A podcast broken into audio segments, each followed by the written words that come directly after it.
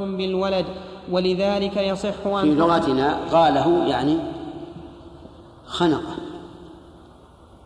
خنق أمسك برقبته حتى يكتم نفسه ويموت. نعم. ولذلك يصح أن تحمل الغيلة في الحديث على كل واحد منهما. فأما ضرر المعنى الأول فقالوا إن الماء يعني المني يغير اللبن أي يفسده ويسأل عن تعليله أهل الطب. وأما الثاني فضرره بين محسوس فإن لبن الحامل داء وعلة في جوف الصبي يظهر أثره عليه ومراده صلى الله عليه وسلم بالحديث المعنى الأول دون بالمعنى الأول دون الثاني ومراده صلى الله عليه وسلم بالحديث المعنى الأول دون الثاني المعنى الأول دون الثاني لأنه هو الذي يحتاج إلى نظر في كونه يضر الولد حتى احتاج النبي صلى الله عليه وسلم إلى أن ينظر إلى أحوال غير العرب الذين يصنعون ذلك فلما رأى أنه لا يضر أولادهم لم ينه عنه. وأما الثاني فضرره معلوم للعرب وغيرهم بحيث لا يحتاج إلى نظر ولا فكر. وإنما هم النبي صلى الله عليه وسلم بالنهي عن الغيلة لما أكثرت العرب من اتقاء ذلك والتحدث بضرره حتى قالوا إنه ليدرك الفارس فيدعثره عن فرسه. وقد روي ذلك مرفوعا من حديث أسماء أسماء ابنة يزيد. قالت سمعت رسول الله صلى الله عليه وسلم يقول لا تقتلوا أولادكم سرا فإن الغيل يدرك الفارس فيدعثره عن فرسه ذكره ابن أبي شيبة. ثم لما حصل عند النبي صلى الله عليه وسلم أنه لا يضر أولاد العجم سوى بينهم وبين العرب في هذا المعنى فسوغه فيكون حجة لمن قال من الأصوليين إن النبي صلى الله عليه وسلم كان يحكم بالرأي والاجتهاد وقد تقدم ذلك وقول السائل عن العزل أشفق على ولدها يعني أخاف إن لم أعزل أن تحمل فيضر ذلك ولدها فيضر ذلك ولدها على ما تقدم. ويحتمل أنه يخاف فساد أنه يخاف فساد اللبن بالوطء على ما ذكرناه آنفا. وقوله صلى الله عليه وسلم لو كان ذلك ضارا ضر فارس والروم.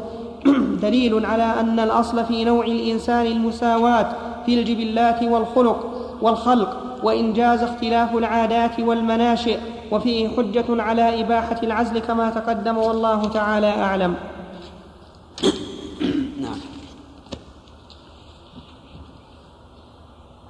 وحدثنا أبو بكر بن أبي شيبة قال حدثنا يحيى بن إسحاق قال حدث حدثناه بالضمير. يحيى بن يحيى لا قبله وحدثناه أبو بكر. وحدثناه أبو بكر بن أبي شيبة قال حدثنا يحيى بن إسحاق قال حدثنا يحيى بن أيوب عن محمد بن عبد الرحمن بن نوفل القرشي عن عروة عن عائشة عن جدامة بنت وهب الأسدية أنها قالت سمعت رسول الله صلى الله عليه وسلم فذكر بمثل حديث سعيد بن أبي أيوب في العزل والغيلة غير أنه قال غير. غير أنه قال الغيال. حدثني محمد بن عبد الله بن نمير وزهير بن حرب واللفظ لابن نمير. قال حدثنا عبد الله بن يزيد المقبري قال حدثنا حيوة. قال حدثنا عياش بن عباس. أن أبا النضر حدثه عن عامر بن سعد أن أسامة بن زيد أخبر والده سعد بن أبي وقاص أن رجلا جاء إلى رسول الله صلى الله عليه وسلم فقال إني أعزل عن امرأتي فقال له رسول الله صلى الله عليه وسلم لم تفعل ذلك؟ فقال الرجل أشفق على ولدها أو على أولادها. فقال رسول الله صلى الله عليه وسلم لو كان ذلك ضارا ضر فارس والروم.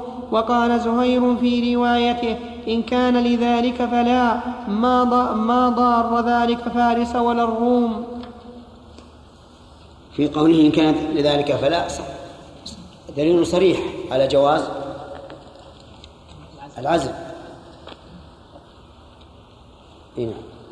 كتاب الرضاع باب ما باب باب يحرم من الرضاعة ما يحرم من الولادة حدثنا يحيى بن يحيى قال قرأت على مالك عن عبد الله بن أبي بكر عن عمرة أن عائشة أخبرتها أن رسول الله صلى الله عليه وسلم كان عندها وإنها سمعت صوت رجل يستأذن في بيت حفصة قالت عائشة فقلت يا رسول الله هذا رجل يستأذن في بيتك.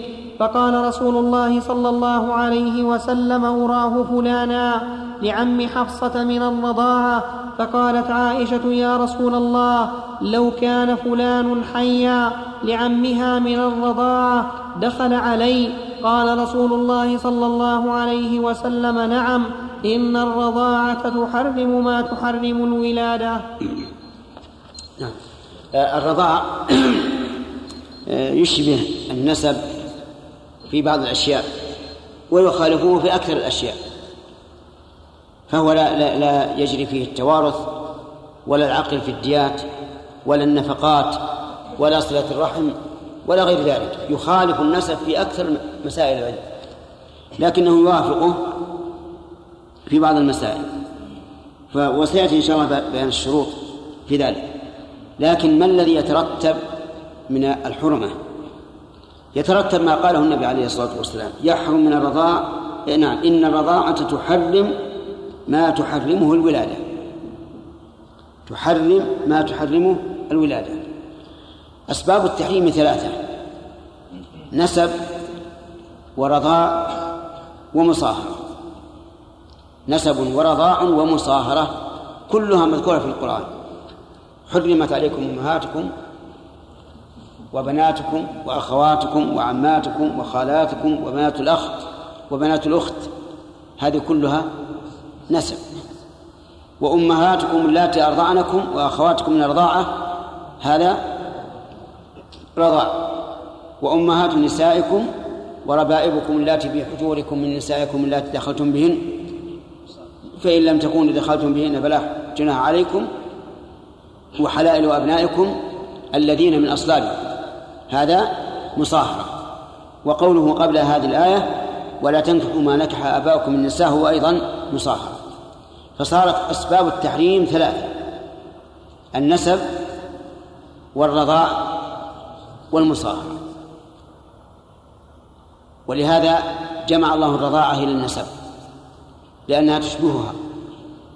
قال النبي صلى الله عليه وسلم الرضاعة تحرم ما تحرمه الولادة. فإذا كانت تحرم ما تحرمه الولادة فلننظر. حرمت عليكم أمهاتكم هذا من النسب. الأم من الرضاع تحرم أو لا؟ تحرم. تحرم. بناتكم من النسب. البنت من الرضاع؟ تحرم, تحرم. أخواتكم من النسب. الأخوات من الرضاع؟ تحرم. عماتكم من النسب العمات من النسب من الرضاع تحرم. خالاتكم من النسب الخالات من الرضاع تحرم. بنات الأخ التي يكون الإنسان عمها حرام من النسب فتحرم من الرضاع. بنات الأخت التي يكون الرجل خالها خالهن تحرم من النسب فتحرم من الرضاع. إذن المحرمات بالنسب سبع والمحرمات بالرضاع سبع, سبع. أمهات نسائكم وربائبكم اللاتي في حجوركم من نسائكم اللاتي دخلتم بهن فإن لم تكونوا دخلتم بهن فلا جناح عليكم وحلائل أبنائكم الذين من أصلابكم كم هذه؟ أربعة هذه ثلاثة. ثلاث أمهات نسائكم ربائبكم اللاتي في حجوركم من نسائكم اللاتي دخلتم بهن فإن لم تكونوا دخلتم بهن فلا جناح عليكم حلائل أبنائكم الذين من أصلابكم الرابع في المصاهرة ولا تنكحوا ما نكح آباؤكم من النساء. إذن المصاهرة يحرم فيها أربعة. أربعة نسب. أربعة هم نسب. أمهات نسائكم منين؟ مصاهرة. لا أمهات نسائكم الأمهات منين؟ من النسب. ربائبكم التي في حجوركم من نسائكم التي دخلتم بهن. هذا أيضا واضح من النسب لأنه قال من نسائكم اللاتي دخلتم بهن. حلائل أبنائكم الذين من أصلابكم. هذا أيضا صريح واضح أنه من الأصلاب.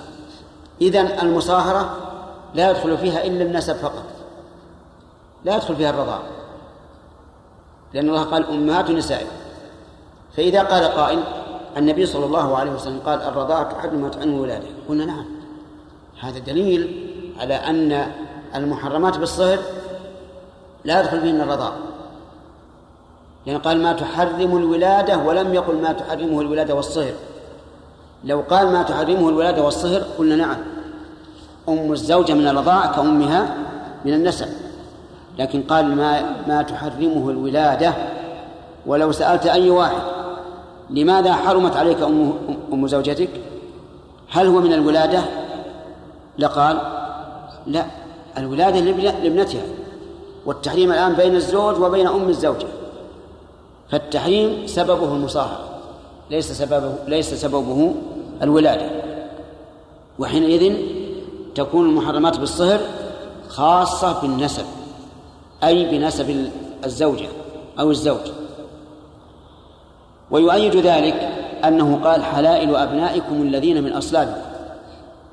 والقول بأن قوله من أصلابكم احتراز من ابن التبني ضعيف لأن أصل ابن التبني لما أبطله الإسلام لما أبطل الإسلام التبني لم يصح أن يكون ابنا حتى يقال لا بد من قيد يخرجه. بل هو ليس بابن أصلا فعلى هذا يكون قوله من أصلابكم بيان أن المصاهرة لا يؤثر فيها إلا النسب الإبن من الصلب. وبناء على ذلك أم الزوجة من الرضاع لا تحرم على على زوج ابنتها. وكذلك بنت الزوجة من الرضاع لا تحرم على زوجه يعني لو كان له زوجة قد أرضعت ابنة قبل أن يتزوجها فإنها لا تحرم عليه هذه البنت. لأنها إيش؟ ليست من الربائب. الربائب هن بنات الزوجات وليس من النسب خاصة. وهذا الذي قررناه هو ظاهر الحديث وهو ظاهر الآية الكريمة وهو مقتضى قوله تعالى وأحل لكم ما وراء ذلك وهو اختيار شيخ الإسلام ابن تيمية رحمه الله. وقد ذكر ابن القيم في زاد المعاد أدلة واضحة. على أن المصاهرة لا يجري فيها الرضاع إطلاقا. ولكن بقي أن يقال جمهور الأمة وجميع الأئمة على أن الرضاع يجري في المصاهرة كما يجري في النسب كما يجري في كما يجري فيها النسب كما يجري فيها النسب. فكيف نخالف هؤلاء؟ الأئمة وأكثر الأمة قلنا المرجع عند الاختلاف هو كتاب الله وسنة رسوله صلى الله عليه وسلم. كما خالفناهم في أن طلاق الحائض لا يقع وطلاق الموطوءة في طهر جمع فيه آه، لا يقع مع أنه خلاف رأي الجمهور خلاف رأي الأئمة كلهم. فهذا مثل. لكن لو قال قائل ما دام الخلاف بهذه القوة نقول أم الزوجة من الرضاع. ليست حراما على الزوج. وعلى هذا فيجب عليها أن تحتجب عنه ولا يجوز أن يخلو بها ولا يكون محرما لها. وتنتبه عليه جميع التي الأحكام التي تثبت لأم الزوجة من النسب لكن لا ينبغي أن يتزوجها إلا عند الضرورة. وحينئذ نعمل بالقولين. يعني نعمل بالاحتياط من وجهين فلا يتزوجها مراعاة لمن؟ لرأي الجمهور. ولا تح ولا آه، تكشف له وجهها ولا يخلو بها ولا يسافر بها مراعاة لما هو ظاهر الكتاب والسنة. لو قيل بهذا لكان قولا جيدا. ولا غرابة في ذلك فالنبي صلى الله عليه وسلم أعمل السببين في حكم واحد كما سنذكر إن شاء الله بعد الأذان.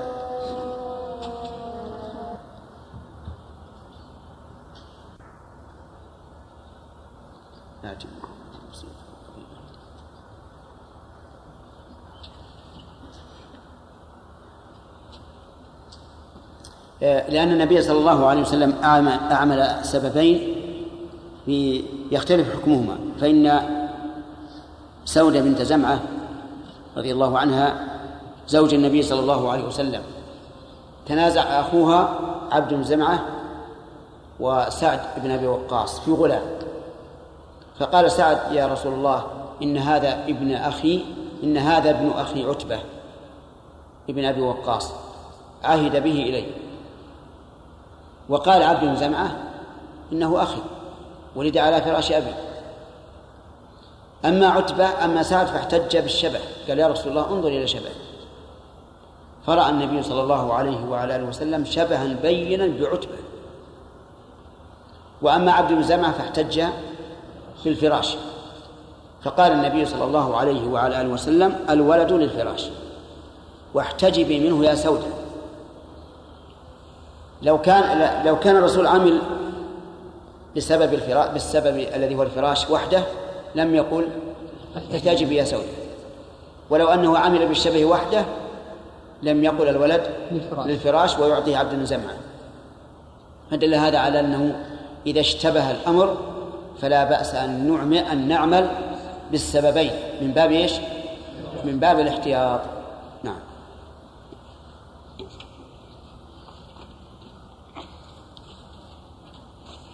تكلمنا في الدرس الماضي عن تحريم الرضاع.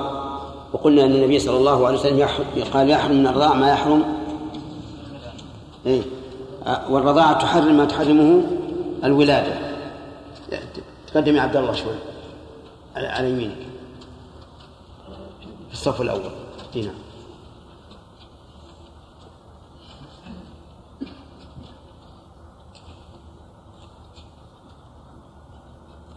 وذكرنا أن المحرمات أسبابها ثلاثة. وهي نسب ورضاع ومصاهرة طيب. والنبي صلى الله عليه وسلم ألحق الرضاع بماذا؟ بيوم. بالنسب. كذا؟ بالولادة.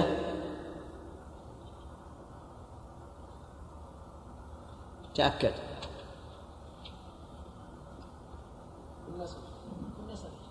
بالنسب. طيب صاحبك يقول بالولادة ثم عاد وقال بالنسب. ها؟ يعني النسب هو الولادة. أحسنت صح. طيب. هل يمكن أن نلحقه بالمصاهرة؟ مع أن الرسول صلى الله عليه وسلم قال يحرم من الرضاع ما يحرم من النسب. نعم. نعم جمهور العلماء الحقوه بالمصاهرة والراجح واختيار شيخ الإسلام أنه لا يلحق به. نعم. لأن النبي صلى الله عليه وسلم قال الرضاعة تحرم ما تحرمه الولادة وفي المصاهرة ما في ولادة بين بين آه، الأصهار. طيب. ذكرنا أنه يمكن أن نسلك سبيل الاحتياط. كيف ذلك الأخ؟ نعم. ما حضرت أمس؟ أمس حاضر. نعم. نعم.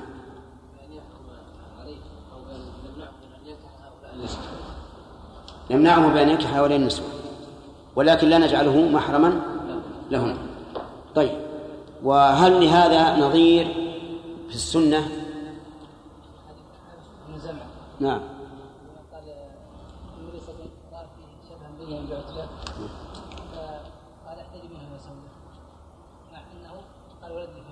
نعم. طيب.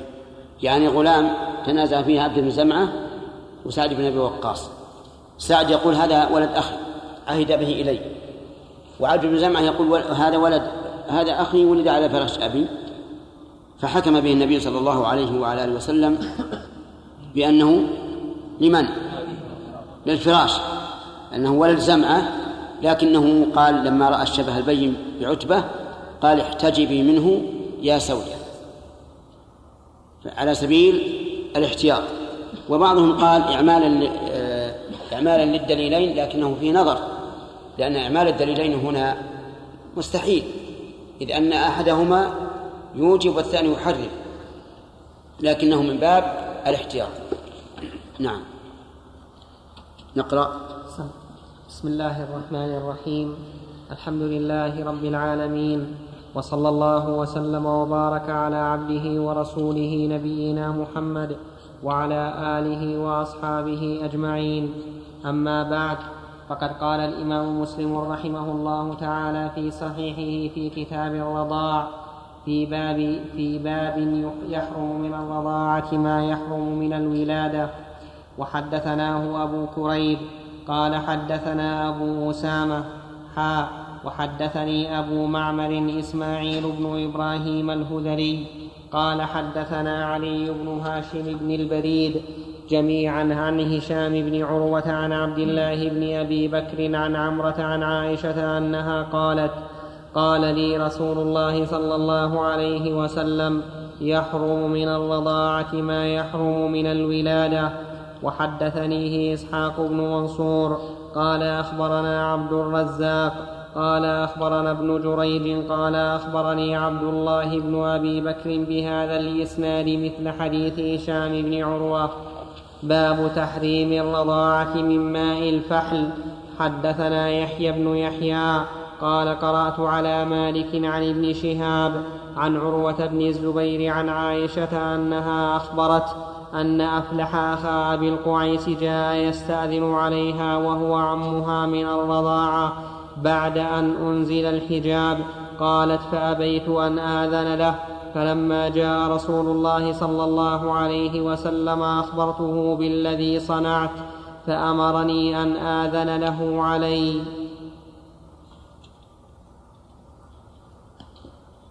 أخبرته بإيش؟ أخبرته بالذي صنعت. صنع صنعت بالضم ها؟ بالضم. نعم.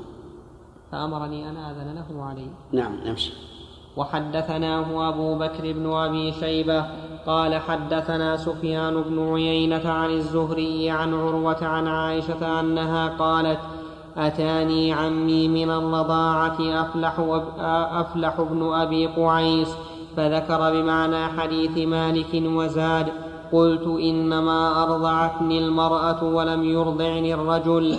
قال تربت يداك أو يمينك. وحدثني حرملة بن يحيى. قال حدثنا ابن وهب. قال أخبرني يونس عن ابن شهاب عن عروة أن عائشة أخبرته أنه جاء أفلح أخو أبي القعيس يستأذن عليها بعدما نزل الحجاب.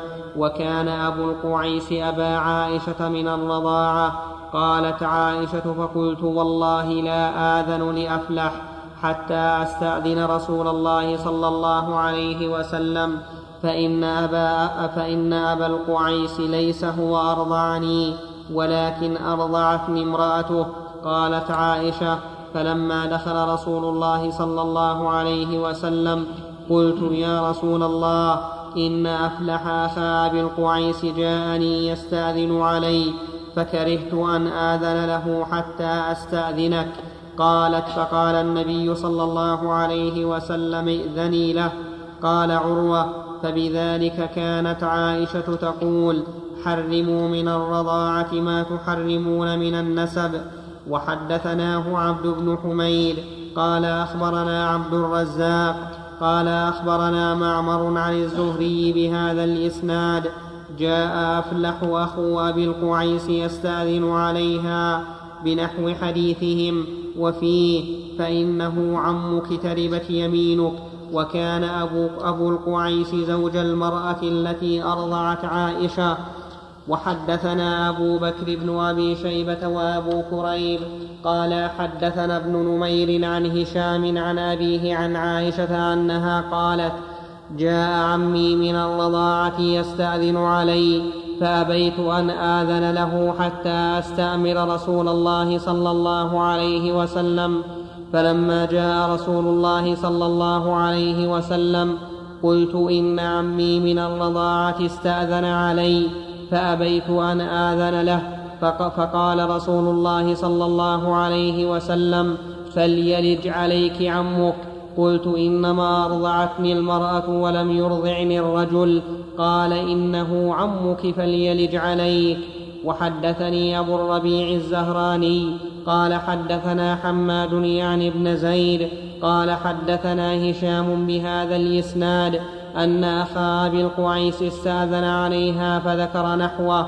وحدثنا يحيى بن يحيى قال أخبرنا أبو, أبو معاوية عن هشام بهذا الإسناد نحوه غير أنه قال استأذن عليها أبو القعيس وحدثني الحسن بن علي الحلواني ومحمد بن رافع قال أخبرنا عبد الرزاق قال أخبرنا ابن جريج عن عطاء قال أخبرني عروة بن الزبير أن عائشة أخبرت قالت استأذن علي عمي من الرضاعة أبو الجعد فرددته.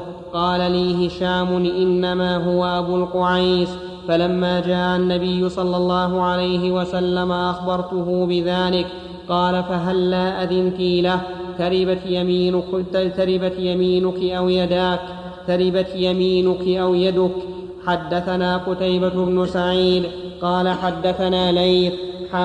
وحدثنا محمد بن رمح قال أخبرنا الليث عن يزيد بن أبي حبيب عن عراك عن عروة عن عائشة أنها أخبرته أن عمها من الرضاعة يسمى أفلح استأذن, استأذن عليها فحجبت فأخبرت رسول الله صلى الله عليه وسلم فقال لها لا تحتجبي منه فإنه يحرم من الرضاعة ما يحرم من النسب.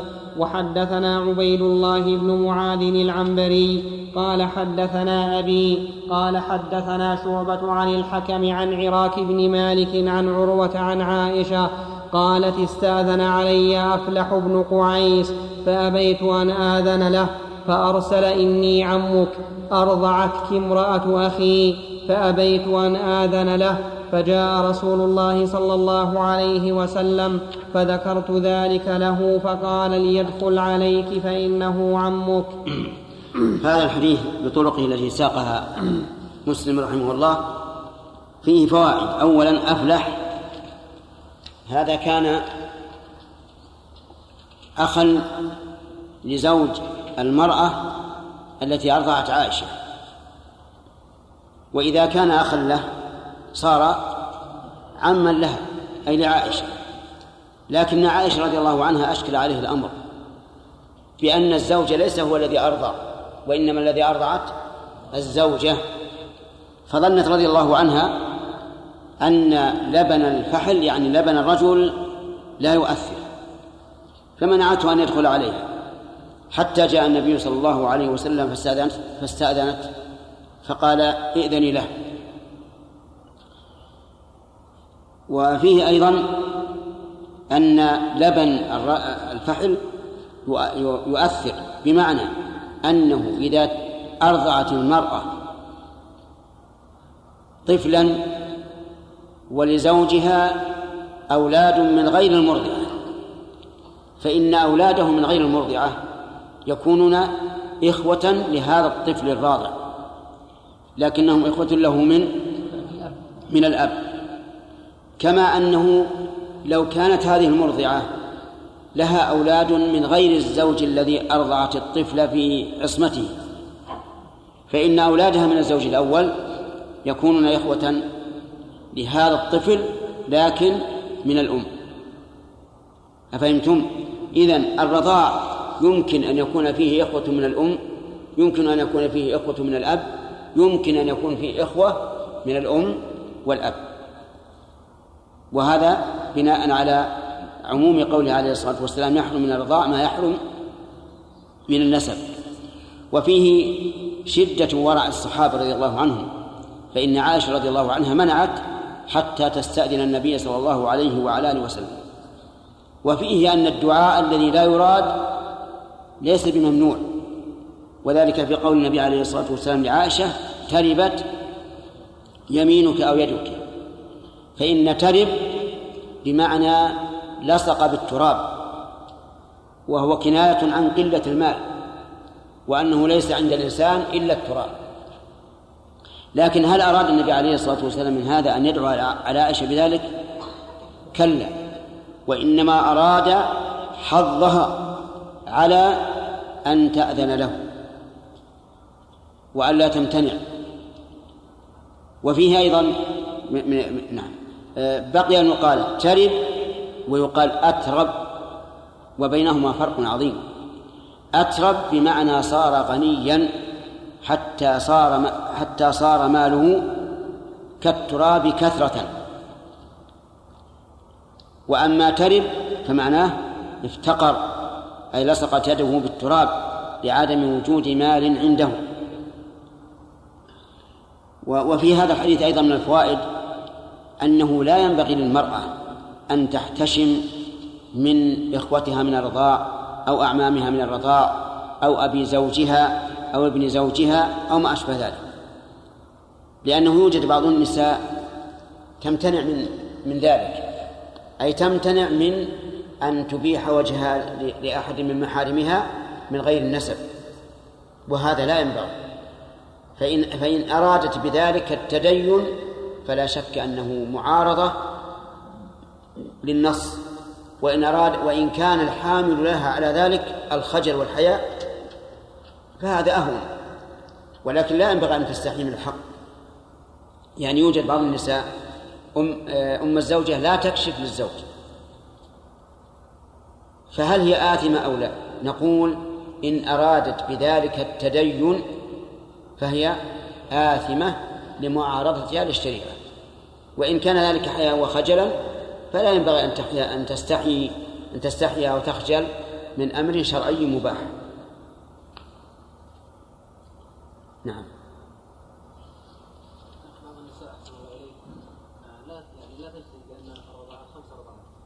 ما وصلنا تأتي إن شاء الله. قول صلى الله عليه وسلم يحرم الرضاع من من النسب. القاعدة المشهورة عندنا في الرضاع أنه تنتشر المحرمية إيش؟ نعم. نعم نعم. نعم. يحرم من الرضاع ما يحرم من النسب. القاعدة أن أثر الرضاع إنما يكون بالنسبة. للراضع وفروعه فقط. أما أصوله وفروعه و... أما أصوله وحواشيه فلا أثر له. واضح هذا؟ هذه قاعدة مهمة. يحرم من الرضاع ما يحرم من النسب. أخذ العلماء من ذلك قاعدة أن الرضاع لا ينشر الحرمة إلا للراضع وذريته فقط. دون من هو في درجته أو أعلى منه. يعني دون إخوانه وأعمامه وآبائه فلا فلا علاقة لهم فلا علاقة لهم بالرضاعة. آه، نضرب مثلا يتضع في المقام مثال واحد. طفل رضع من امرأة صار ولدا لها أخو هذا الطفل ما علاقته بالمرأة؟ ليش ليس له علاقة. ليست أمه ولا أخته ولا ولا ولا بنت أخيه ولا شيء. أي ما عليه منها. الكلام على الرضاع يتعلق بالشخص نفسه. واضح؟ لا ما في إشكال أبدا. خذ القاعدة هذه المسلمة ما ما فيها إشكال. نعم. باب تحريم ابنة الأخ من الرضاعة حدثنا أبو بكر بن أبي شيبة وزهير بن حرب ومحمد بن العلاء واللفظ لأبي بكر. قالوا حدثنا أبو معاوية عن الأعمش عن سعد بن عبيدة عن أبي عبد الرحمن عن علي أنه قال قلت يا رسول الله ما لك تنوق في قريش وتدعنا؟ فقال وعندكم شيء قلت نعم بنت حمزة فقال رسول الله صلى الله عليه وسلم إنها لا تحل لي إنها ابنة أخي من الرضاعة. إذا صارت ابنة أخي من الرضاعة ماذا يكون؟ يكون عمها فلا تحل له. نعم. وحدثنا عثمان بن أبي شيبة وإسحاق بن إبراهيم عن جرير. حا وحدثنا طيب بنت حمزة لولا لولا الرضاعة. تحل الرسول نعم. لماذا؟ بنت عمه. إيه لأنها بنت عم. لكن في الرضاعة صار صار عمها. نعم وحدثنا عثمان بن أبي شيبة وإسحاق بن إبراهيم عن جرير. حا وحدثنا ابن نمير. قال حدثنا أبي حا وحدثنا محمد بن أبي بكر المقدمي قال حدثنا عبد الرحمن بن مهدي عن سفيان كلهم عن الأعمش بهذا الإسناد مثله. وحدثنا هداب بن خالد قال حدثنا همام قال حدثنا قتادة عن جابر بن زيد عن ابن عباس أن النبي صلى الله عليه وسلم أريد على ابنة حمزة فقال إنها لا تحل لي إنها ابنة أخي من الرضاعة ويحرم من الرضاعة ما يحرم من الرحم. وحدثناه زهير بن حرب قال حدثنا يحيى وهو القطان. حا وحدثنا محمد بن يحيى بن مهران القطعي. قال حدثنا بشر بن عمر جميعا عن شعبة حا وحدثناه أبو بكر بن أبي شيبة قال حدثنا علي بن مسهر عن سعيد بن أبي عروبة كلاهما عن قتادة بإسناد همام سواء غير أن حديث شعبة انتهى عند قوله ابنة أخي من الرضاعة وفي حديث سعيد وإنه يحرم من الرضاعة ما يحرم من النسب وفي رواية بشر بن عمر سمعت جابر بن زيد يعني يقول قتادة وصرح بذلك لأن ليزول التدليس نعم. وحدثنا هارون بن سعيد الأيلي وأحمد بن عيسى قال حدثنا ابن وهب قال أخبرني مخرمة بن بكير عن أبيه أنه قال سمعت عبد الله بن مسلم يقول سمعت محمد بن مسلم يقول سمعت حميد بن عبد الرحمن يقول سمعت أم سلمة زوج النبي صلى الله عليه وسلم تقول قيل لرسول الله صلى الله عليه وسلم أين أنت يا رسول الله عن ابنة حمزة؟ أو قيل ألا تخطب بنت حمزة بن عبد المطلب؟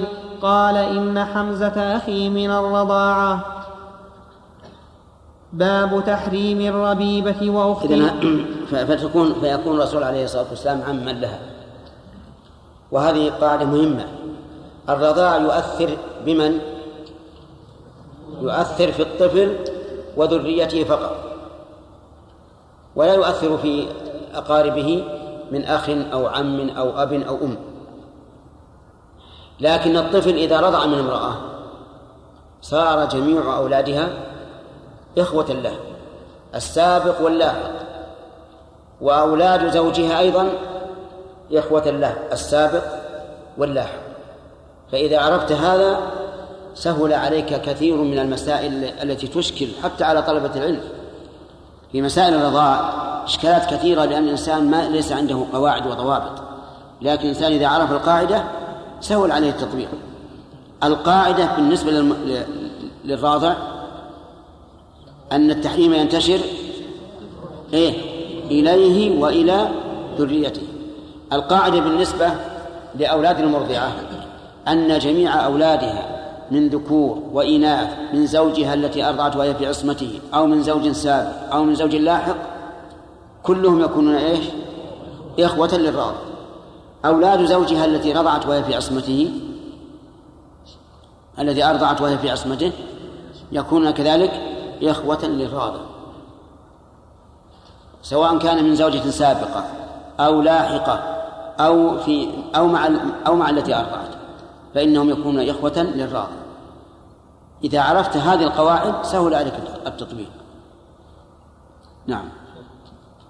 نعم. بقي أقارب المرضعة وأقارب الزوج. قسهم على النسب. أقارب المرضعة. مثلا خواته يكونون خالات. خالات للرضيع. إخوانها أخوان. آه بالنسبة للزوج إخوانه أعمام وأخواته عمات. وهل المجرد؟ مسألة واضحة بس تحتاج إلى معرفة القواعد. تطبيق الجزء ربما يشكل على الإنسان لكن إذا عرف القاعدة سهل عليه. نعم. نعم. نعم. هل يجوز له بامرأتي هل يجوز إيش؟ له يخلو بامراه ابنه من الرضاع لا. لا ما ليس محرما لها. لأن النبي صلى الله عليه وسلم قال يحرم من الرضاعة ما يحرم من النسب وأبوك محرم لزوجتك؟ من إيش؟ لا مو من النسب. ليس بين أبيك وبين زوجتك نسب. إنما هو. إنما هو محرم لها بالمصاهرة والحديث يحرم من الرضاع ما يحرم من النسب. ونحن تكلمنا عليه البارحة بكلام واضح مفصل وبينا آه، قولا احتياطيا ترجع إليه شرف الشريعة. نعم شيخ صلى الله عليك بالنسبة لمن تحرم على هذه المرضعه بالرضاع هل تكون هل يكونون محرما للراضع أو لا؟ نعم. يعني أخوات المرضعة من الرضاع خالة له. لأنه يحرم من الرضاعة ما يحرم من النسب. نعم. باب تحريم الربيبة وأخت المرأة. حدثنا أبو كريب محمد بن العلاء. قال حدثنا أبو أسامة. قال أخبرنا هشام. قال أخبرنا أبي عن زينب بنت أم سلمة عن أم حبيبة بنت أبي سفيان. أنها قالت دخل علي رسول الله صلى الله عليه وسلم فقلت له هل لك في أختي بنت أبي سفيان؟ فقال أفعل ماذا؟ قلت تنكحها. قال أو تحبين ذلك؟ قلت لست لك بمخ بمخل بم لست لك بمخلية وأحب من شركني في الخير أختي. من شركة شركة وأحب من شركني في الخير أختي قال فإنها لا تحل لي. قلت فإني أخبرت أنك تخطب درة بنت أبي سلمة. قال بنت أبي سلمة. قلت نعم. قال لو أنها لم تكن ربيبتي في حجري ما حلت لي. إنها ابنة أخي من الرضاعة. أرضعتني وأباها ثويبة. فلا تعرضن علي بناتكن ولا أخواتكن. هذا تحريم الربيبة. الربيبة هي بنت الزوجة. وألحق العلماء رحمهم الله بذلك جميع فروع الزوجة. بنت سواء بنته سواء بنتها أو بنت ابنها أو بنت بنتها إلى آخره.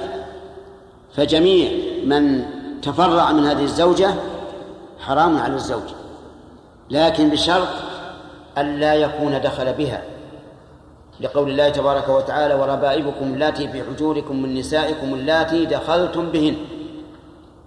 فإن لم تكونوا دخلتم بهن فلا جناح عليكم. وحين و... و... ينبغي لنا أن نقول المحرمات بالسهر أربع يعني آه أربعة أصناف.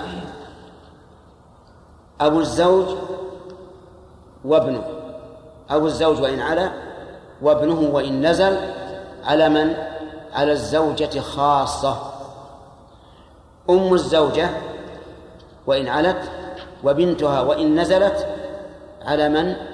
على الزوج خاصة انتبهوا للقواعد أم الزوجة وإن علت على من؟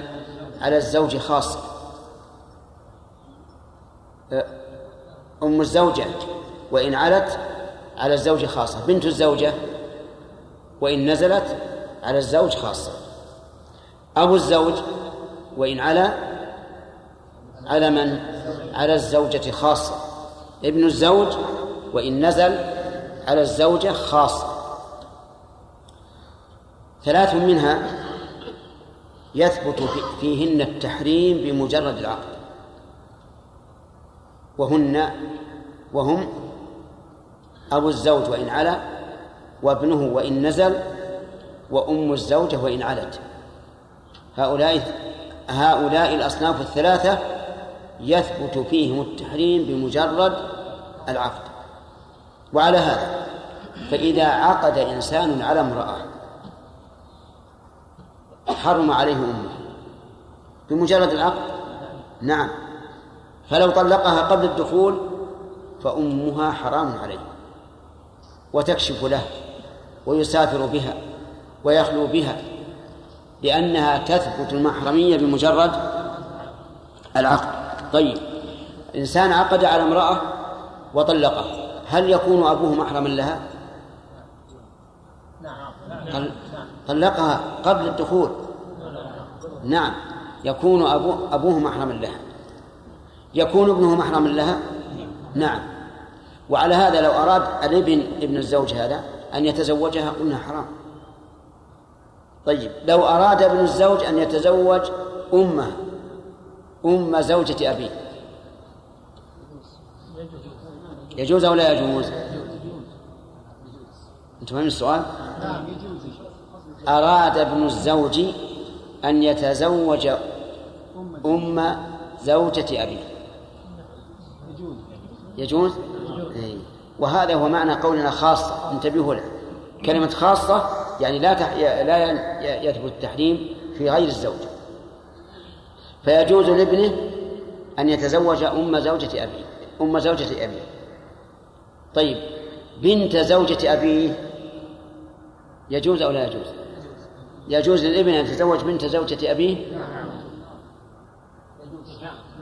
غلط. غلط. غلط. يجوز للابن أن يتزوج بنت زوجة أبيه. آه لا. إن كانت أمة فلا يجوز. ليش؟ لأن أخته. وإن كان من زوجة أخرى يجوز. طيب.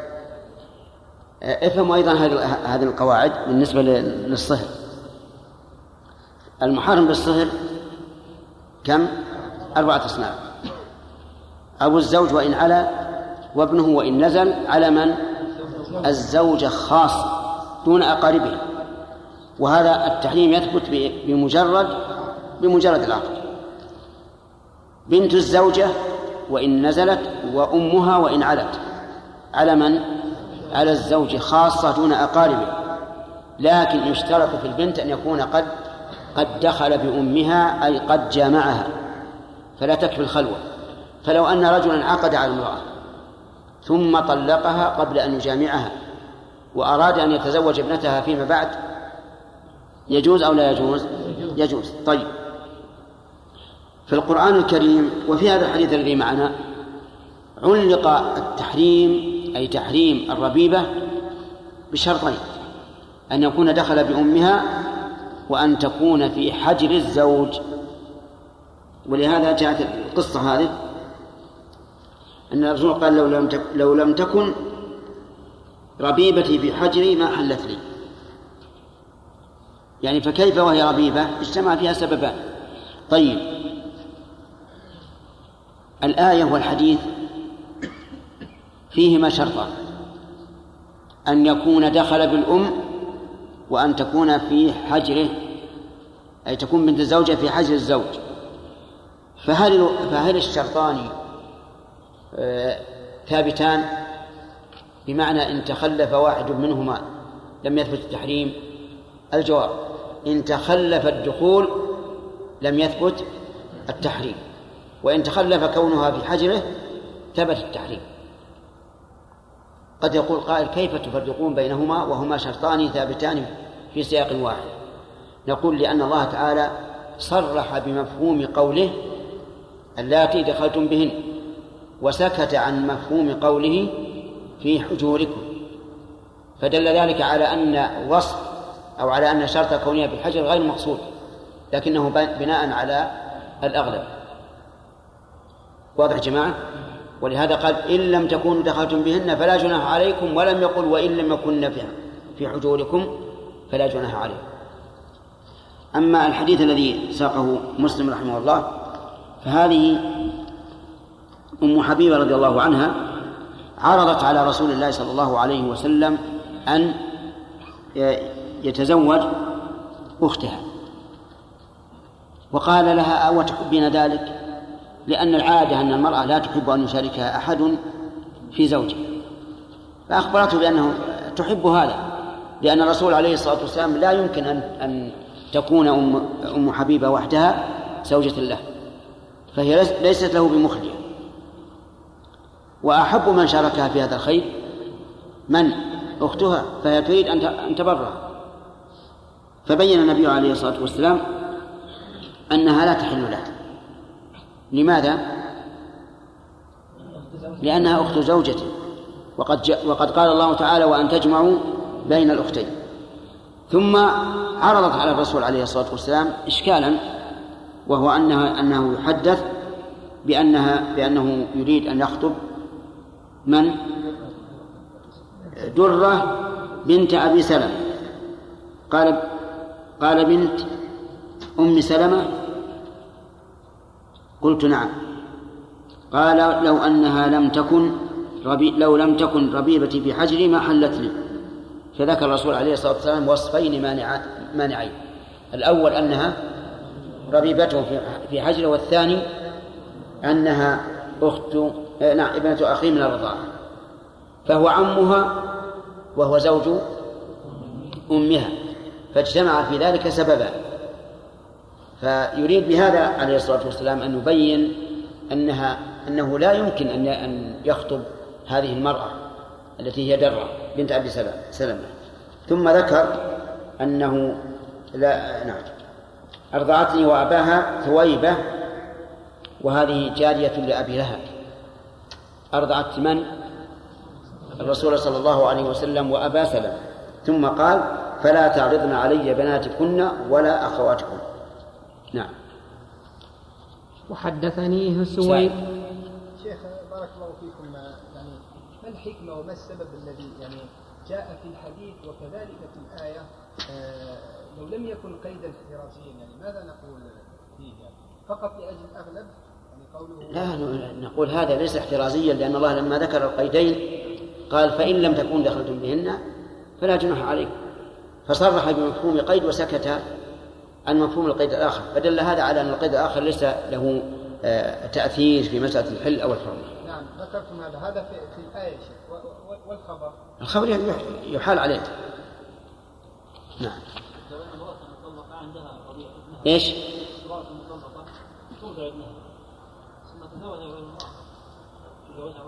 هذا يأتينا إن شاء الله. نعم. وحدثنيه سويد بن سعيد قال حدثنا يحيى بن زكريا بن أبي زائدة. حا وحدثنا عمرو الناقد قال حدثنا الأسود بن عامر قال أخبرنا زهير كلاهما عن هشام بن عروة بهذا الإسناد سواء. وحدثنا محمد بن رمح بن المهاجر قال أخبرنا الليث عن يزيد بن أبي حبيب أن محمد بن شهاب كتب يذكر أن عروة حدثه أن زينب بنت أبي سلمة حدثت أن أم حبيبة زوج النبي صلى الله عليه وسلم حدثتها أنها قالت لرسول الله صلى الله عليه وسلم يا رسول الله إنكح أختي عزة فقال رسول الله صلى الله عليه وسلم أتحبين ذلك؟ قلت فقالت نعم. يا رسول الله لست لك بمخلية وأحب من شركني في خير. من شركني و... وأحب من شركني في خير أختي. فقال رسول الله صلى الله عليه وسلم فإن ذلك لا يحل لي. قالت فقلت يا رسول الله فإنا نتحدث أنك تريد أن تنكح درة بنت أبي سلمة. قال بنت أبي سلمة. قالت نعم. قال رسول الله صلى الله عليه وسلم لو أنها لم تكن ربيبتي في حجري ما حلت لي؟ إنها ابنة أخي من الرضاعة. أرضعتني وأبا سلمة ثويبة. فلا تعرضن علي بناتكن ولا أخواتكن. وحدثنيه عبد الملك قوله في هذا الحديث بنت أبي سلمة. الصواب الحديث الأول بنت أم سلمة لأن بنت أبي سلمة لو لم تكن من أم سلمة ما كانت ما كانت لا تحرم عليه لكن ما كانت ربيبته. والحديث ذكر أنها ربيبته وأنها بنت أخيه من الرضاعة. وعلى هذا فيكون اللفظ الأول أصح وهو قوله بنت أم سلمة. نعم. وحدثنيه عبد الملك بن شعيب بن الليث قال حدثني أبي عن جدي قال حدثني عقيل بن خالد حاء وحدثنا عبد بن حميد قال أخبرني يعقوب بن إبراهيم الزهري قال حدثنا محمد بن عبد الله بن مسلم كلاهما عن الزهري بإسناد ابن أبي حبيب عنه نحو حديثه ولم يسم أحد منهم في حديثه عزة غير يزيد بن أبي حبيب. لكن هذا لا يضر. يعني كون أحد الرواة يسمي والآخرون لا يسمون الظاهر أن هذا ليس بشذوذ لأنه لا يخالفه. نعم لو قالوا ولم تسمى عزة ثم سماها واحد من أربعة أو خمسة حكمنا بالشذوذ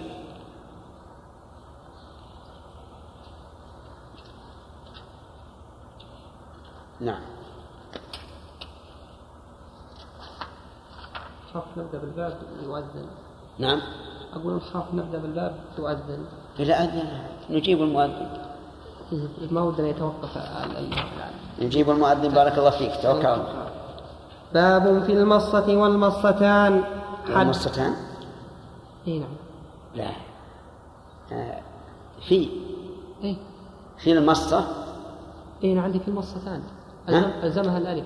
إيش؟ ألزمها الألف. اللي عندك وش اقرأ اللي عندك. أ- أنا سبحان الله. قرأت الذي عندي. باب؟ في المصة والمصتان. لا اللي عندنا باب في المصة والمصتين نعم. حدثني زهير بن حرب قال حدثنا إسماعيل بن إبراهيم حاء وحدثنا محمد بن عبد الله بن نمير قال حدثنا إسماعيل حاء وحدثنا سويد بن سعيد قال حدثنا معتمر بن سليمان كلاهما عن أيوب عن ابن أبي مليكة عن عبد الله بن الزبير عن عائشة أنها قالت قال رسول الله صلى الله عليه وسلم وقال سويد وزهير إن النبي صلى الله عليه وسلم قال لا تحرم المصة والمصتان. قوله عليه الصلاة والسلام لا تحرم المصة والمصتان منطوقه أن المصة الواحدة لا تحرم والمصتان لا تحرمان والثلاث تحرم. لكن سيأتينا إن شاء الله أنه لا بد من خمس. والعلماء يقولون إذا تعارض المنطوق والمفهوم فإنه يقدم المنطوق. لأن لأنه المفهوم يدخل في المنطوق ولا عكس فمثلا لا تحرم المصة ولا المصتان نعم لا تحرم لأنه لا يحرم إلا إلا الخمس. لكن ليس معنى ذلك أن ما زاد على ذلك يحرم ويكون وقد قيد بأن التحريم بخمس رضعات. نعم. حدثنا يحيى بن يحيى وعمر الناقد وإسحاق بن إبراهيم كلهم عن المعتمر واللفظ ليحيى. قال أخبر. أخبرنا المعتمر بن سليمان عن أيوب يحدث عن أبي الخليل عن عبد الله بن الحارث عن أم الفضل أنها قالت دخل أعرابي على نبي الله صلى الله عليه وسلم وهو في بيتي فقال يا نبي الله إني كانت لي امرأة إني كانت لي إني كانت لي امرأة فتزوجت عليها أخرى فتزوجت عليها أخرى فزعمت امرأة الأولى أنها أرضعت امرأة الحدثى رضعة أو رضعتين فقال نبي الله صلى الله عليه وسلم لا تحرم الإملاجة والإملاجتان قال عمرو في روايته عن عبد الله بن الحارث بن نوفل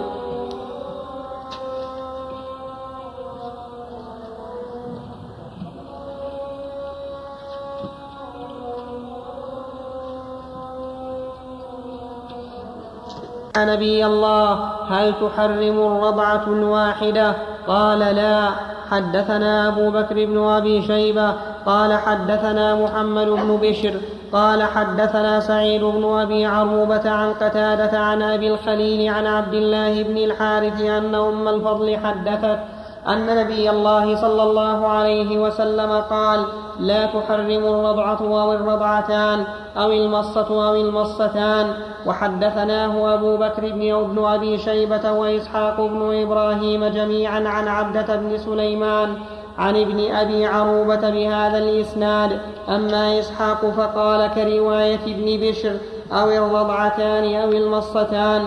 وأما ابن أبي شيبة فقال والرضعتان والمصتان وحدثنا ابن أبي عمر قال حدثنا بشر بن السري قال حدثنا حماد بن سلمة عن قتادة عن أبي الخليل عن عبد الله بن الحارث بن نوفل عن أم الفضل عن النبي صلى الله عليه وسلم أنه قال لا تحرم الإملاجة والإملاجتان حدثني أحمد بن سعيد الدارمي قال حدثنا حبان قال حدثنا همام قال حدثنا قتادة عن أبي الخليل عن عبد الله بن الحارث عن أم الفضل عن, عن أم الفضل قالت سأل رجل النبي صلى الله عليه وسلم أتحرم المصة؟ فقال لا.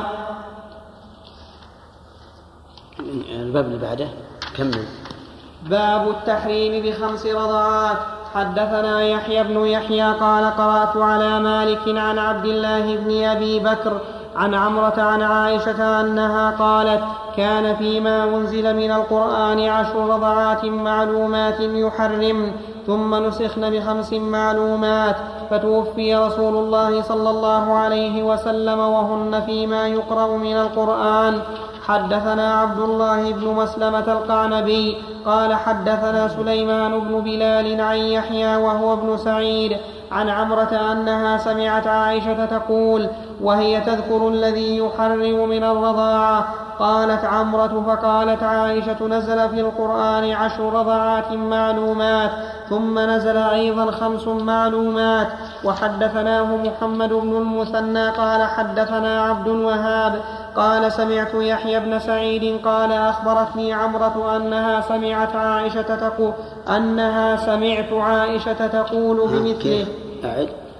أنها. قال أخبرتني عمرة أنها سمعت عائشة سمعت.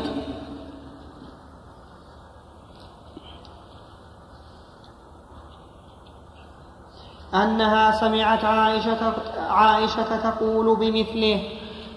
هذه الأحاديث في هذين البابين تبين أنه لا بد من عدد يحصل به التحريم.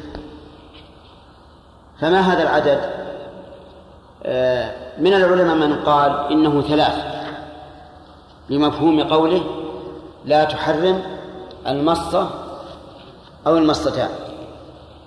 مفهومها أن الثلاث فما زالت تحرم. ومنهم من قال إن هذا مفهوم. والمفهوم لا يعارض المنطوق وهو حديث عائشة رضي الله عنها أن الذي يحرم خمس رضعات معلومات. ومن العلماء من قال إنه لا يشترط العدد بل مطلق الرضاع كافٍ لعموم قول الله تعالى وأمهاتكم اللاتي أرضعن والصواب أن العدد مشترط. وأن وأن مطلق القرآن تقيده السنة لأن الكل من عند الله فالله عز وجل قال أمهاتكم اللاتي أرضعنكم. والنبي صلى الله عليه وعلى آله وسلم قيد ذلك. والصواب أيضا أنه لا بد من خمس رضعات لحديث عائشة. ولا عبرة بمن طعن في هذا الحديث أي حديث عائشة بأنها ذكرت أنه من أن هذا الحكم ثابت بالقرآن عشر رضعات ثم خمس رضعات وأنها كانت فيما يتلى من القرآن بعد وفاة الرسول صلى الله عليه وسلم. هذا ليس بمطعن لأنه يمكن توجيهه. توجيهه أن يقال هذا الحكم منسوخ لفظا وحكما.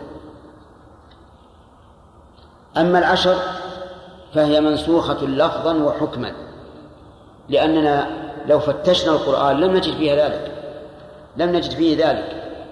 وأما حكما فإن الحكم انتقل من العشر إلى الخمس. وأما الخمس فمنسوخة لفظا لا حكما.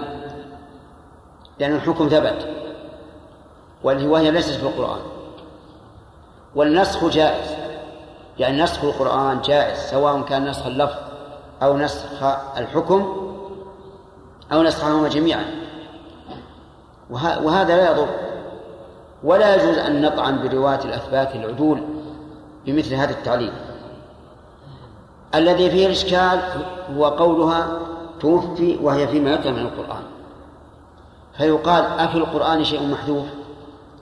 إذا كانت هذه هذا الحكم وهذه الآية موجودة في القرآن وتوفي الرسول صلى الله عليه وسلم وهي فيما يتلى فأين هي؟ وهل يمكن لأحد أن يحذف شيئا من القرآن كان موجودا إلى إلى وفاة الرسول صلى الله عليه وسلم؟ لا. وهذا مطعن آخر في هذا الحديث. وقالوا لا يمكن أن يصح. لا يمكن أن يصح القرآن بخبر الواحد. ولا يمكن أن أن يقال إن القرآن وجد بعد وفاة الرسول ثم حذف. لأن هذا يفتح بابا عظيما وشرا كبيرا. وأجاب العلماء عن ذلك أن أن الذين لم يعلموا بالنسخ كانوا يتلونها بعد وفاة الرسول صلى الله عليه وسلم. ويكون في هذا إشارة إلى أن النسخ وقع في آخر حياة الرسول عليه الصلاة والسلام.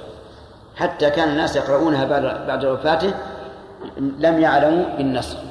وهذا أيضا تخريج جيد بالنسبة لهذا الحديث وعلى هذا فيرتفع الطعن فيه من الوجهين.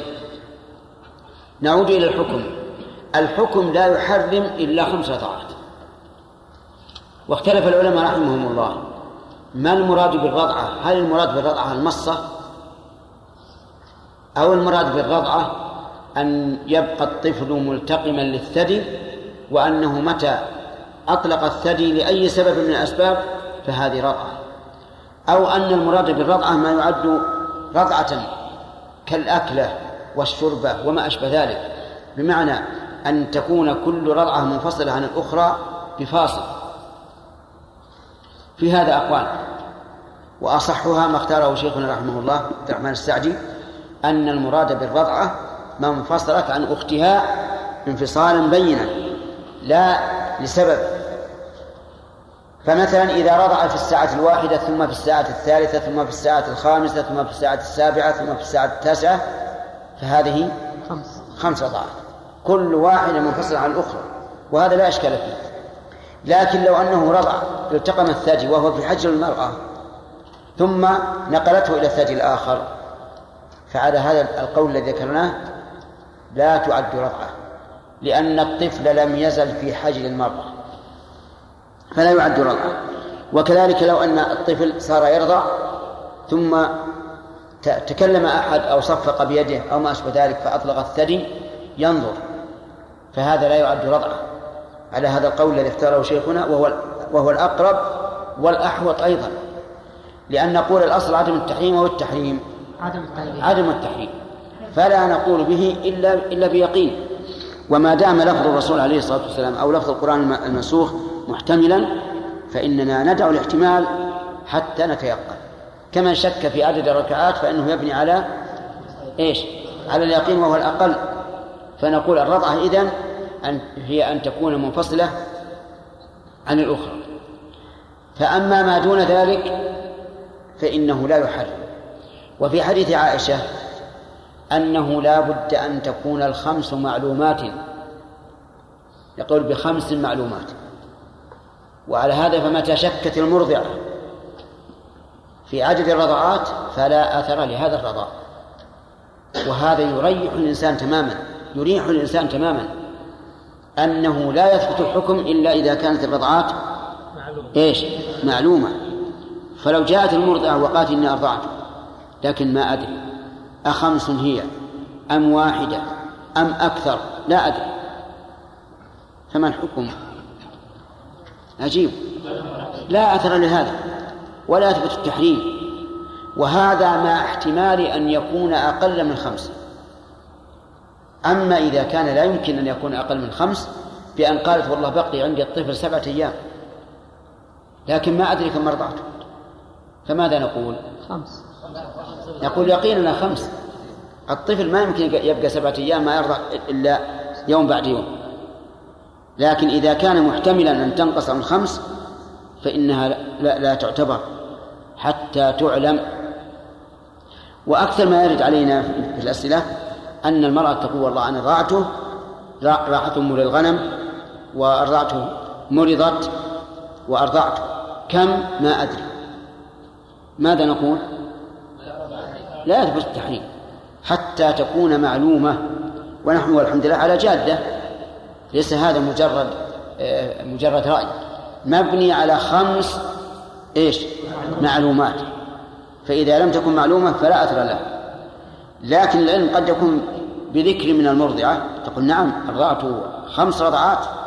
في الصباح في الظهر في العصر في المساء في آخر الليل.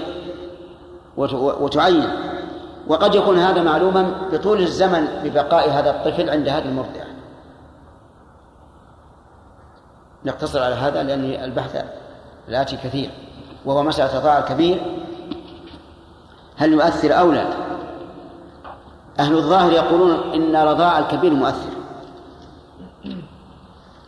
فهم لا يحددون الرضاع بشيء لا سنا ولا عددا. متى أرضعت المرأة الطفل فهي أمه ولو رضعة واحدة ولو مصة واحدة ولو كان كبيرا. وعلى هذا فلو أن المرأة لا تريد زوجها وحلبت له حليبا في فنجان وأعطته إياه ماذا يكون الأمر تحرم. اللهم إلا أن يقول الظاهرية أنا لا أدري عن رأيهم في هذه المسألة إلا أن يقولوا إن الرضاعة لا يحرم إلا إذا كان من الثدي نفسه فحينئذ تبطل هذه الحيلة. لكن تأتي مسألة أخرى. بعض الناس يعبث في ثدي زوجته فيمص لو درت عليه ونزل الحليب صار ولدا له.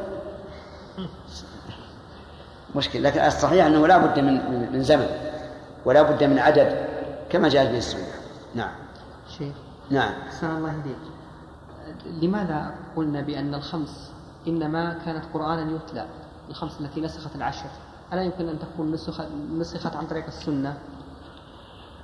لعائشة تقول نسخنا ولا بينت. من ناسخ؟ قد يكون الرسول عليه الصلاة والسلام أخبرهم بذلك وقد تكون آية أيضا غير معلومة ما ندري حتى لا نضطر أن نقول مثلا إنها نسخت بخمس من القرآن ثم هذا القرآن نسخ لفظه. لا لأن تقول نسخنا بخمس و... فتوفي رسول الله صلى الله عليه وسلم وهي فيما يتلى من القرآن. يتلى من القرآن العشر. لا خمس خمس؟ الخمس.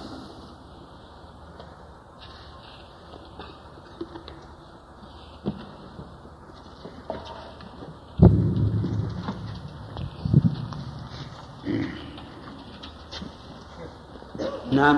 ألا يقول قال أن عائشة هي ألصق الناس بالرسول عليه السلام نعم. فكيف ينسخ شيء وهي لا تعرفه؟ كيف لا تعرف؟ اللي هو الخاص بالنسخ إي نعم. لكن هل هل نسخ في آية ونسخت؟ أو أن الرسول أخبر أنه أنه نسخ؟ نقول بالبناء المشهور نسخنا والحمد لله. وعائشة ثقة. نبدأ بالمستعين بالله عز وجل. بسم الله الرحمن الرحيم. الحمد لله رب العالمين. والصلاة والسلام على نبينا محمد وعلى آله وصحبه أجمعين. قال الإمام مسلم رحمه الله تعالى في كتابه الصحيح في كتاب الرضاع حدثنا عمرو الناقد وابن أبي عمر قال حدثنا سفيان بن عيينة عن عبد الرحمن بن القاسم عن أبي عن عائشة قالت جاءت سهلة بنت في أي باب هذا؟ والله نشرة اللي عندي ما فيها باب كتاب الرضاعة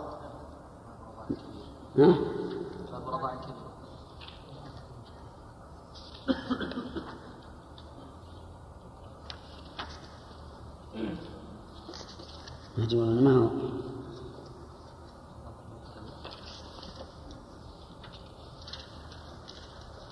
هذا ما ما وصلنا ما وصلنا هذا.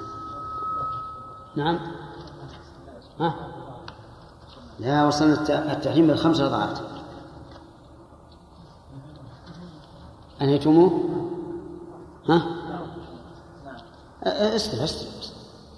وش الدليل؟ يعني الموقف عندي خمس رضعات هل بحثنا خمس رضعات ما هي؟ وبيناها ولا؟ توقفنا على حديث سالم يا شيخ. نعم. لكن حديث عائشة. خمس رضعات هل شرحناه؟ شرحا تاما؟ خلاص؟ طيب. واصل يا شيخ؟ إيه، واصل. قالت جاءت سهلة بنت سهيل إلى النبي صلى الله عليه وسلم فقالت يا رسول الله إني أرى في وجه أبي حذيفة من دخول سالم وهو حليفه. فقال النبي صلى الله عليه وسلم أرضعيه. قالت وكيف أرضعه وهو رجل كبير؟ فتبسم رسول الله صلى الله عليه وسلم وقال قد علمت أنه رجل كبير زاد عمره زاد عمرو في حديثه وكان قد شهد بدرا. وفي رواية ابن أبي عمر فضحك رسول الله صلى الله عليه وسلم. وحدثنا إسحاق بن إبراهيم الحنظلي. هذا الرضاع الكبير اختلف فيه العلماء رحمهم الله. هل هو مؤثر أو لا؟ يعني إذا رضع الكبير من امرأة. فهل يؤثر هذا أو لا يؤثر؟ والكلام عليه في مسائل المسألة الأولى كيف يرضى وهو كبير؟ وهو الذي استشكلته سهلة بنت سهيل.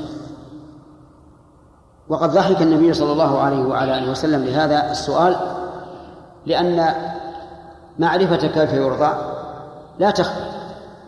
يمكن أن تحلب المرأة في إناء ويشربه ويمكن أن ترضعه من ثديها للحاجة.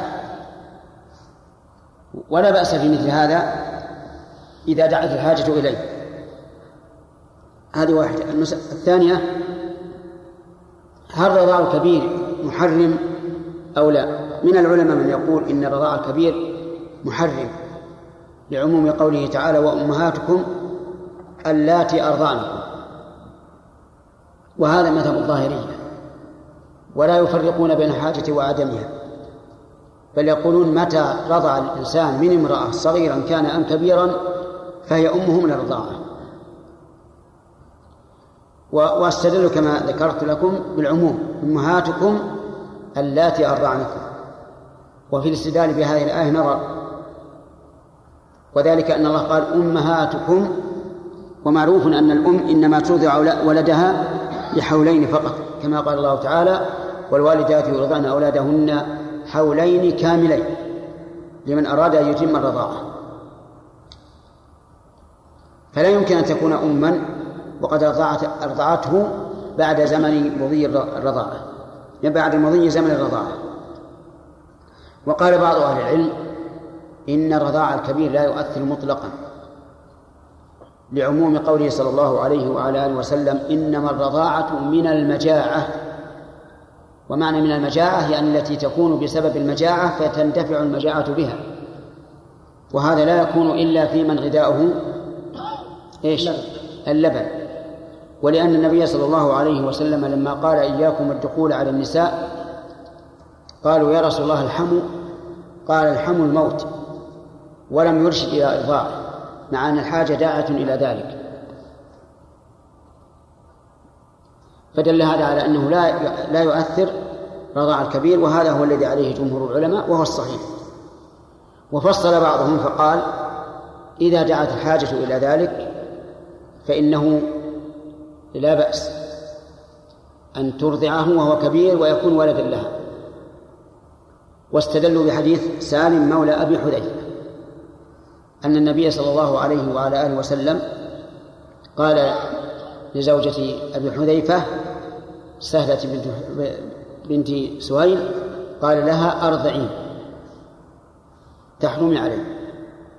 وهذا لأنه لأنه لأنه محتاج إلى الدخول إلى البيت فيقاس عليه كل حاجة.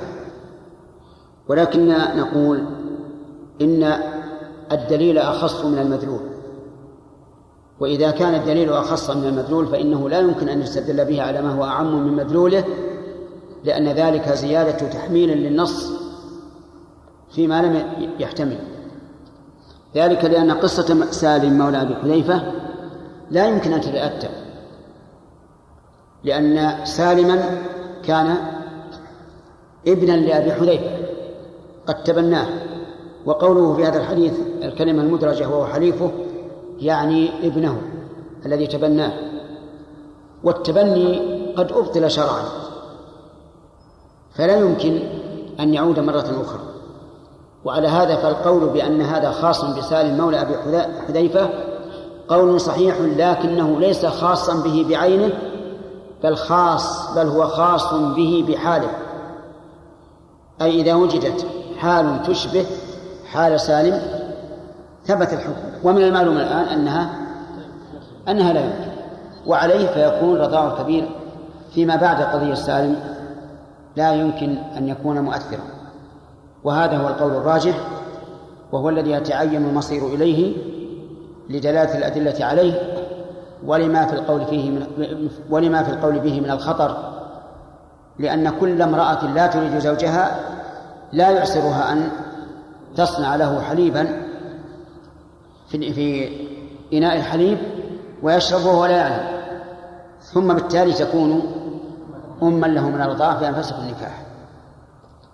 فهذا القول هو الصواب. أنه الآن لا يفيد رضاع الصغير مطلقا لأن نعم. لا يفيد رضاع الكبير مطلقا لأن الحالة التي وردت في قصة أبي سالم مولى أبي حذيفة لا يمكن أن تعود. وفي هذا الحديث جواز تبسم الرجل من الحال التي يتعجب منها. لأن النبي صلى الله عليه وعلى آله وسلم تبسم. ولكن إذا خيف من ذلك أي من التبسم انكسار قلب الشخص الذي تبسم منه فهنا قد نقول إن الأولى عدمه لأنه إذا تبسم الإنسان من قوله ربما يقول إنه سخر بي أو استهزأ بي أو ما أشبه ذلك. أما النبي صلى الله عليه وسلم فإن هذا الاحتمال غير وارد في حقه لكن في حق غيره وارد. فإذا علمنا أننا لو تبسمنا من قول هذا الرجل أو فعله انكسر قلبه فإن الأولى الصبر وعدم التبسم. وفي هذا ومن فوائد هذا الحديث أن الاتصال بالكبير من غير المحارم أمر منكر أو مستغرب. لقولها كيف أرضعه وهو رجل وهو رجل كبير. نعم. وحدثنا إسحاق بن إبراهيم الحنظلي ومحمد بن أبي عمر جميعا عن الثقفي قال ابن أبي عمر حدثنا عبد الوهاب الثقفي عن أيوب عن ابن أبي مليكة عن القاسم عن عائشة أن سالما مولى أبي حذيفة كان مع أبي حذيفة وأهله في بيتهم فأتت تعني ابنة سهيل إلى تعني ابنة سهيل النبي صلى الله عليه وسلم فقالت إن سالما قد بلغ ما يبلغ الرجال وعقل ما عقلوا وإنه يدخل علينا وإني أظن أن في نفس أبي حذيفة من ذلك شيئا. فقال لها النبي صلى الله عليه وسلم أرضعيه تحكمي عليه ويذهب ويذهب الذي في نفس أبي ويذهب الذي في نفس أبي حذيفة نعم. ويذهب الذي في نفس أبي حذيفة فرجعت فقالت إني قد أرضعته فذهب الذي في نفس أبي حذيفة.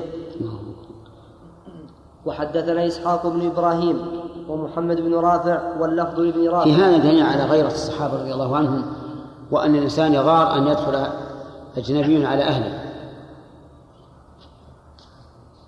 فيتبين به فساد الطريق الأوروبي الذي ب... الذي صار بعض الناس يذهب إليه من اجتماع العائلة جميعا النساء مع الرجال وهم غير محارم للنساء. فإن هذه عادة منكرة من وجهين أولا مخالفتها للدين في الاختلاط وكشف الوجوه والثاني أنها عادة أوروبية خبيثة موروثة عن غير المسلمين. فهذا وهذا مما يأسف له الإنسان كثيرا أن أن يحتذي الناس حذو الكفار في مثل هذه الأمور التي تخالف الشريعة. نعم. وحدثنا إسحاق بن إبراهيم ومحمد بن رافع واللفظ بن رافع قال حدثنا عبد الرزاق قال أخبرنا قال أخبرنا ابن جريج قال أخبرنا ابن أبي مليكة أن القاسم بن محمد ابن أبي بكر أخبره أن عائشة أخبرته أن سهلة بنت سهيل بن عمرو جاءت النبي صلى الله عليه وسلم فقالت يا رسول الله إن سالما لسالم مولى أبي حذيفة معنا في بيتنا وقد بلغ ما يبلغ الرجال وعلم ما يعلم الرجال. قال أرضيه تحرمي عليه. قال فمك فمكثت سنة أو قريبا منها. لا أحدث به وهبته ثم لقيت القاسم. فقلت له لقد حدثتني حديثا ما حدثته بعد. قال فما هو؟ فأخبرته. قال فحدثه عني أن عائشة أخبرتني قال فحدثه. قال فحدثه فحدثه عني أن عائشة أخبرتني. وحدثنا محمد بن المثنى قال حدثنا محمد بن جعفر قال حدثنا شعبة شعبة عن حميد بن نافع. في هذا دليل على الإمساك على الحديث إذا شك الإنسان فيه وهابه حتى يتثبت لأن الوهم وارد على كل إنسان والنسيان وارد على كل إنسان. ولا يعد هذا من كتم العلم لأن هذا المراد به التثبت في العلم. نعم. وحدثنا محمد بن المثنى قال حدثنا محمد بن جعفر قال حدثنا شعبة عن حميد بن نافع عن زينب بنت أم سلمة قالت قالت أم سلمة لعائشة إنه يدخل عليك الغلام الأيفع الذي ما أحب أن يدخل علي. قالت فقالت عائشة أما لك في رسول الله صلى الله عليه وسلم أسوة؟ قالت إن امرأة أبي حذيفة قالت يا رسول الله إن سالما يدخل علي وهو رجل. وفي نفس أبي حذيفة منه شيء فقال رسول الله صلى الله عليه وسلم أرضعي حتى يدخل عليك. وحدثني أبو الطاهر. لكن جواب عائشة المقصود به أن إرضاع الكبير مؤثر وكانت عائشة رضي الله عنها ليس فيها لبن لكنها تأمر أخواتها أن يرضعن من تريد أن يدخل عليها فتكون إيش؟ خالة له وفي هذا دليل على التأسي برسول الله صلى الله عليه وسلم ونعم الأسوة هو فإنه عليه الصلاة والسلام فعله أسوة. وفيه دليل على أن الأصل عدم الخصوصية لكن هذا الحكم هو حكم حق في حد ذاته. لكن قد يتوهم واهم العموم وهو خاص أو الخصوص وهو عام. فكثيرا ما ترون في كتب العلماء عند المناظرة يقول هذا خاص بالنبي. هذا خاص بفلان هذا يحتاج إلى دليل. كذلك أيضا العموم مع مقتضى التخصيص يحتاج إلى دليل. فالصواب اتباع الأدلة العامة عامة والخاصة والخاصة خاصة. وفي هذا دليل على جواز الإنكار على من هو أفضل أو التنبيه. وجه ذلك أن أن عائشة أفضل من أم سلمة وأعلم. ومع ذلك ذكرته. وفيه أيضا دليل على على حسن أسلوب الصحابة دون أن يتعلموا حيث قالت ما أحب أن يدخل علي ولم تقل ما أحب أن يدخل عليك. وهذا من تمام الأدب. قال أنه يدخل عليك. الغلام اليافع الأيفع الذي ما أحب أن يدخل علي ولم تقل أن يدخل عليك لأنه لو قالت ما أحب أن يدخل عليك صارت كأنها فوق عائشة وكأنها تنكر عليها إنكارا مباشرا لكن تلطفت بالأسلوب فيستفاد منه أنه ينبغي للإنسان أن يتلطف في أسلوبه لا سيما في خطاب من هو أكبر منه شأنا نعم. وحدثني أبو الطاهر وهارون بن سعيد الأيلي واللفظ لهارون قال حدثنا ابن وهب قال أخبرني مخرمة بن بكير عن أبيه قال سمعت حميد بن نافع حميد بن نافع يقول سمعت زينب بنت أبي سلمة تقول سمعت أم سلمة زوج النبي صلى الله عليه وسلم تقول لعائشة والله ما تطيب نفسي أن يراني الغلام قد استغنى عن الرضاعة. فقالت لما؟ قد جاءت سهلة بنت سهيل إلى رسول الله صلى الله عليه وسلم. فقالت يا رسول الله والله إني لأرى في وجه أبي حذيفة من دخول سالم قالت فقال فقال رسول الله صلى الله عليه وسلم أرضعيه. فقالت إنه ذو لحية. فقال أرضعيه يذهب ما في وجه أبي حذيفة. فقالت والله ما عرفته في وجه أبي حذيفة. وحدثني حدثني عبد الملك بن شعيب بن الليث بن الليث. في هذه الإشارة قد استغنى عن الرضاعة أن الرضاعة المحرمة هي التي إيش؟ لا يستغني عنها الراضع وهو معنى قوله صلى الله عليه وسلم إنما الرضاعة من المجاعة نعم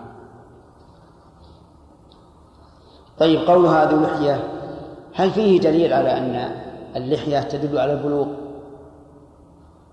لا اللحية ما دليل على البلوغ لأن قد تتأخر كثيرا عن البلوغ وقد تتقدم على البلوغ لكن الغالب أن ذا اللحية يكون يكون ذا نعم بالغا.